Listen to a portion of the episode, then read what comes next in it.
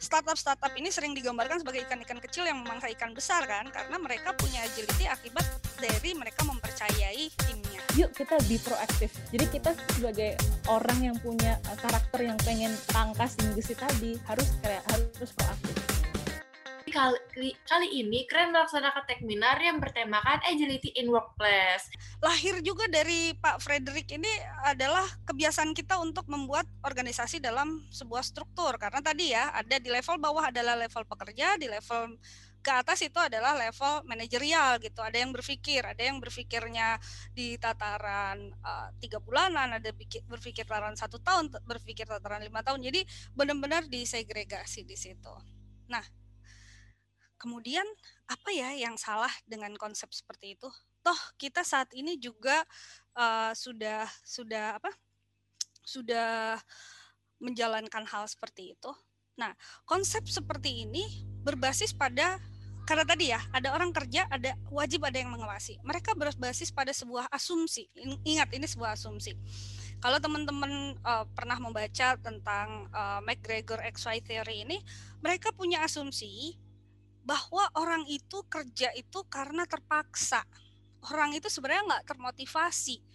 Sehingga orang ini kecenderungannya akan akan sembunyi-sembunyi untuk uh, mencuri, sembunyi-sembunyi untuk males-malesan.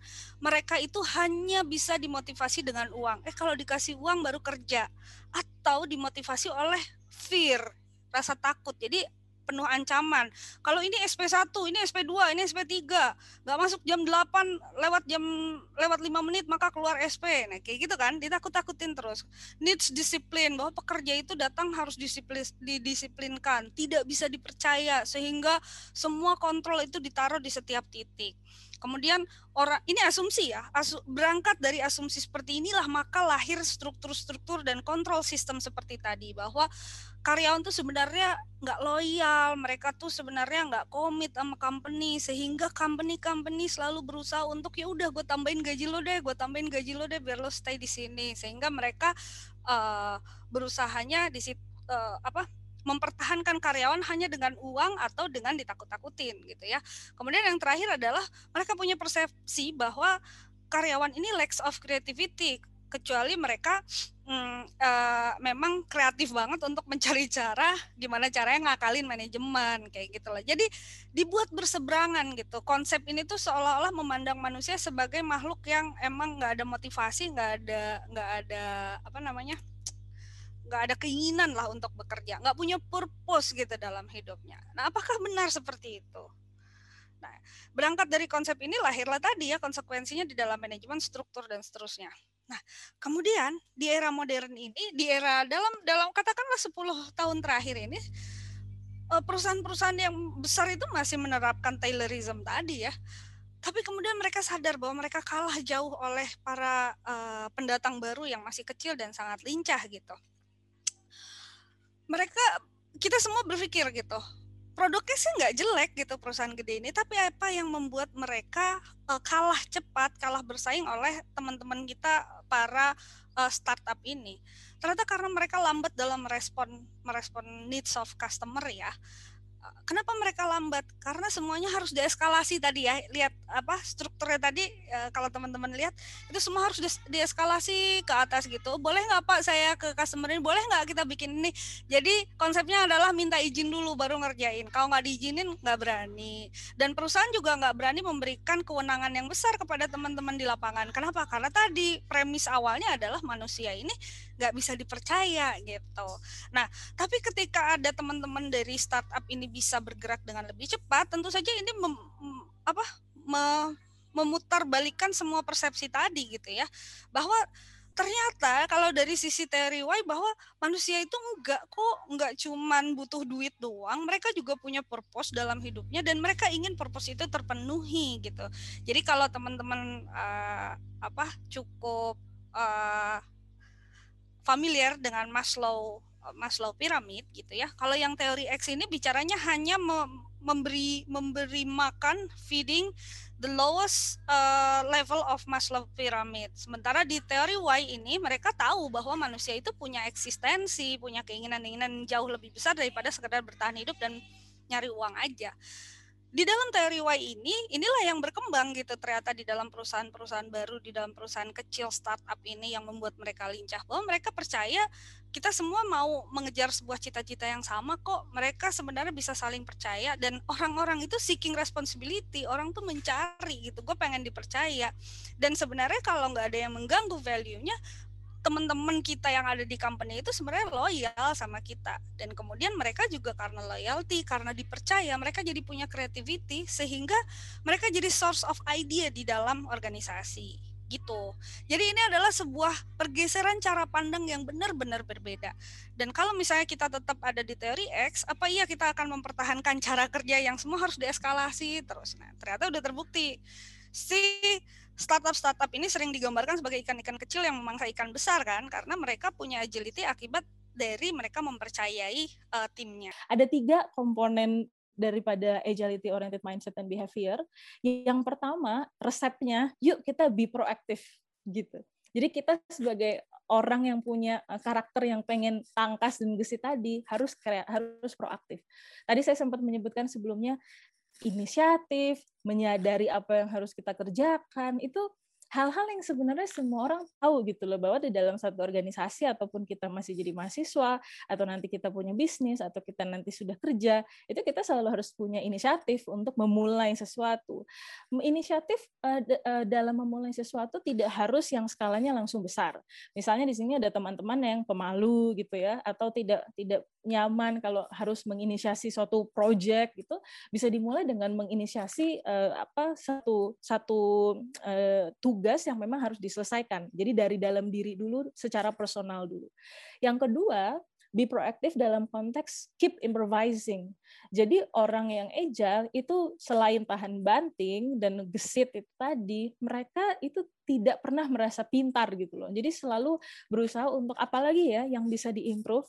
Karena apa? Tadi saya sempat katakan kontemplasi mereka dalam gitu loh. Ini kita sudah uh, apa namanya melakukan sesuai dengan north star kita nggak ya dengan apa yang menjadi alasan awal kita pengen bikin bisnis ini belum ya sesuai nggak sih dengan mimpi kita jadi banyak kontemplasi kontemplasi yang dilakukan dan oleh karenanya membuat orang-orang yang agile tadi itu keep improvising supaya mereka menciptakan sesuatu yang lebih sempurna lagi. Yang kedua dengan cara be adaptive. Jadi kalau be adaptive di sini ini sepertinya sih yang bagi kebanyakan orang ini paling susah untuk diterapkan gitu ya. Kalau kita ibaratnya mau belajar untuk menginisiasi sesuatu itu lebih ke kesadaran diri, tapi kalau adaptif di sini melibatkan lingkungan eksternal. Dan banyak orang-orang yang merasa sulit untuk merubah karakter menjadi yang tadinya aku kayaknya nggak suka berubah deh gitu ya ke harus berubah gitu dan harus adapt gitu. Nah, adaptif ini bisa dimulai dengan tiga langkah sebenarnya dari bagaimana kita belajar atau mem, eh, memulai belajar memberanikan diri untuk mengambil peran-peran yang simultan di dalam suatu organisasi.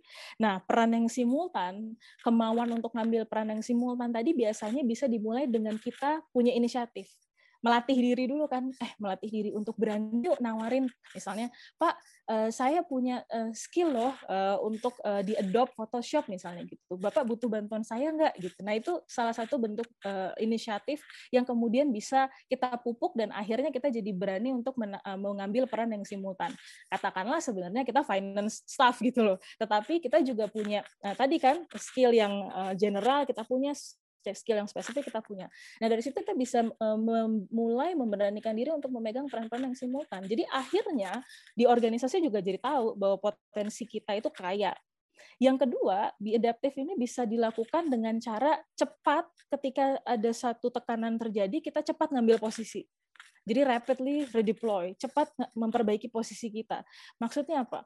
Misalnya nih ya, katakanlah eh, kita, eh, ada satu bimbingan mahasiswaku, mereka mau bikin satu uh, bisnis. Kalau di Prasmul tuh kalau mau lulus harus bikin bisnis, harus laku gitu ya. Nah, ketika mereka mau bikin bisnis, kemudian ada corona gitu kan. Padahal mereka jualannya baju anak-anak untuk uh, di luar di taman bermain dan sebagainya.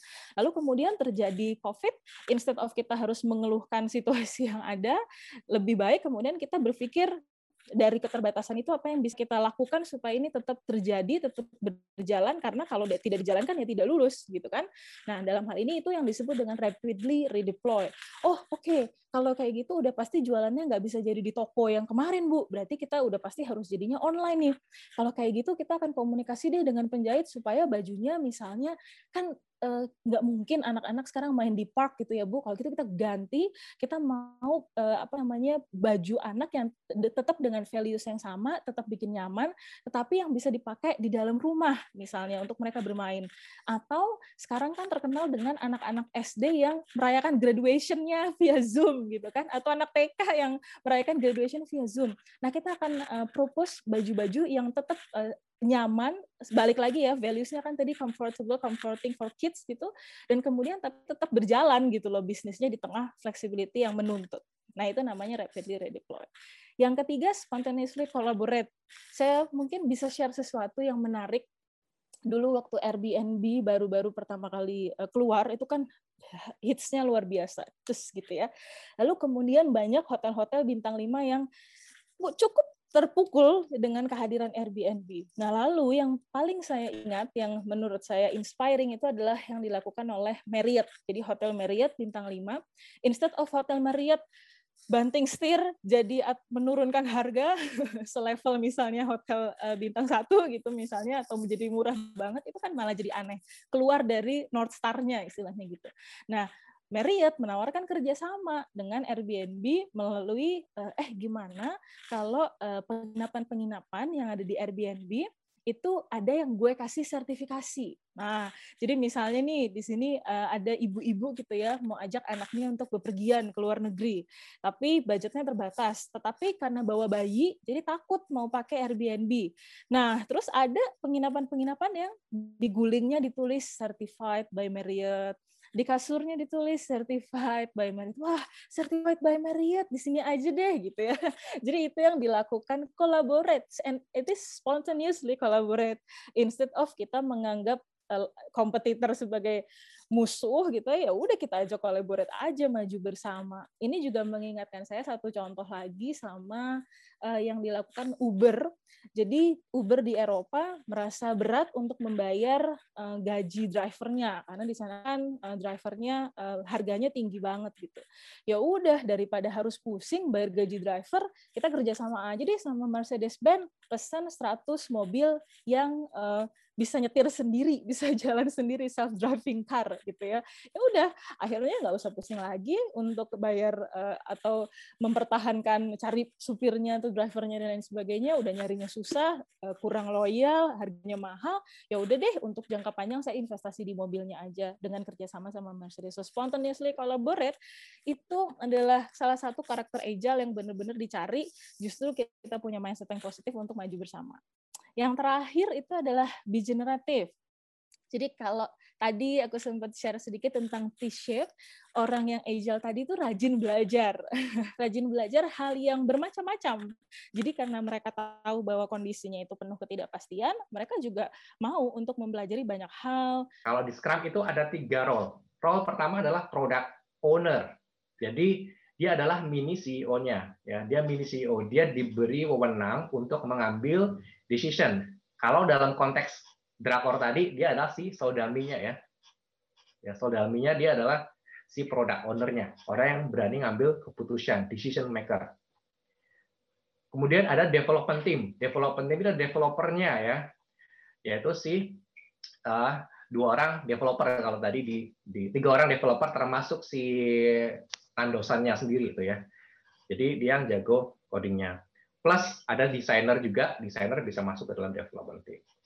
Kemudian ada satu peran kalau di dalam Scrum itu Scrum Master atau kalau pakai pakai framework yang lain ya, mungkin bisa bisa Agile Coach ya, Agile Coach kurang lebih mirip gitu ya. Poinnya adalah orang ini yang menjaga proses agility-nya, proses mentoringnya agar tim ini bisa tumbuh. Dan ini peran dari si Han Ji Pyong tadi. Jadi secara structure people-nya kurang lebih ada tiga role ya minimal. Product owner, dia yang bisa ambil keputusan, development team, dia eksekutornya, kemudian ada orang yang memandu, orang yang mendevelop agar tim ini bisa lebih kuat. Nah, ini dikenal dengan istilah Scrum Master. Jadi kalau di sini ada rekan-rekan uh, ingin melamar suatu pekerjaan, kemudian ada role Scrum Master. Bayangkan aja Han Ji Pyong gitu ya. Ada product owner, oh itu Saudami. Development team, itu Nandosan. Ya. Dia jago nih codingnya. Jago bikin secara teknologinya, tapi dia kurang dalam decision maker. Ya, ya mending masuk ke development team aja. Ada yang dia kuat di sisi bisnis, kuat dalam sisi ambil keputusan, masuklah sebagai product owner. Ada yang dia jago coaching, jago mentoring, ngedevelop people, ngedevelop strategi bisnis tapi dari sisi mentoring ya, bukan langsung terjun langsung. Nah dia cocok sebagai kayak si Han Ji Pyong.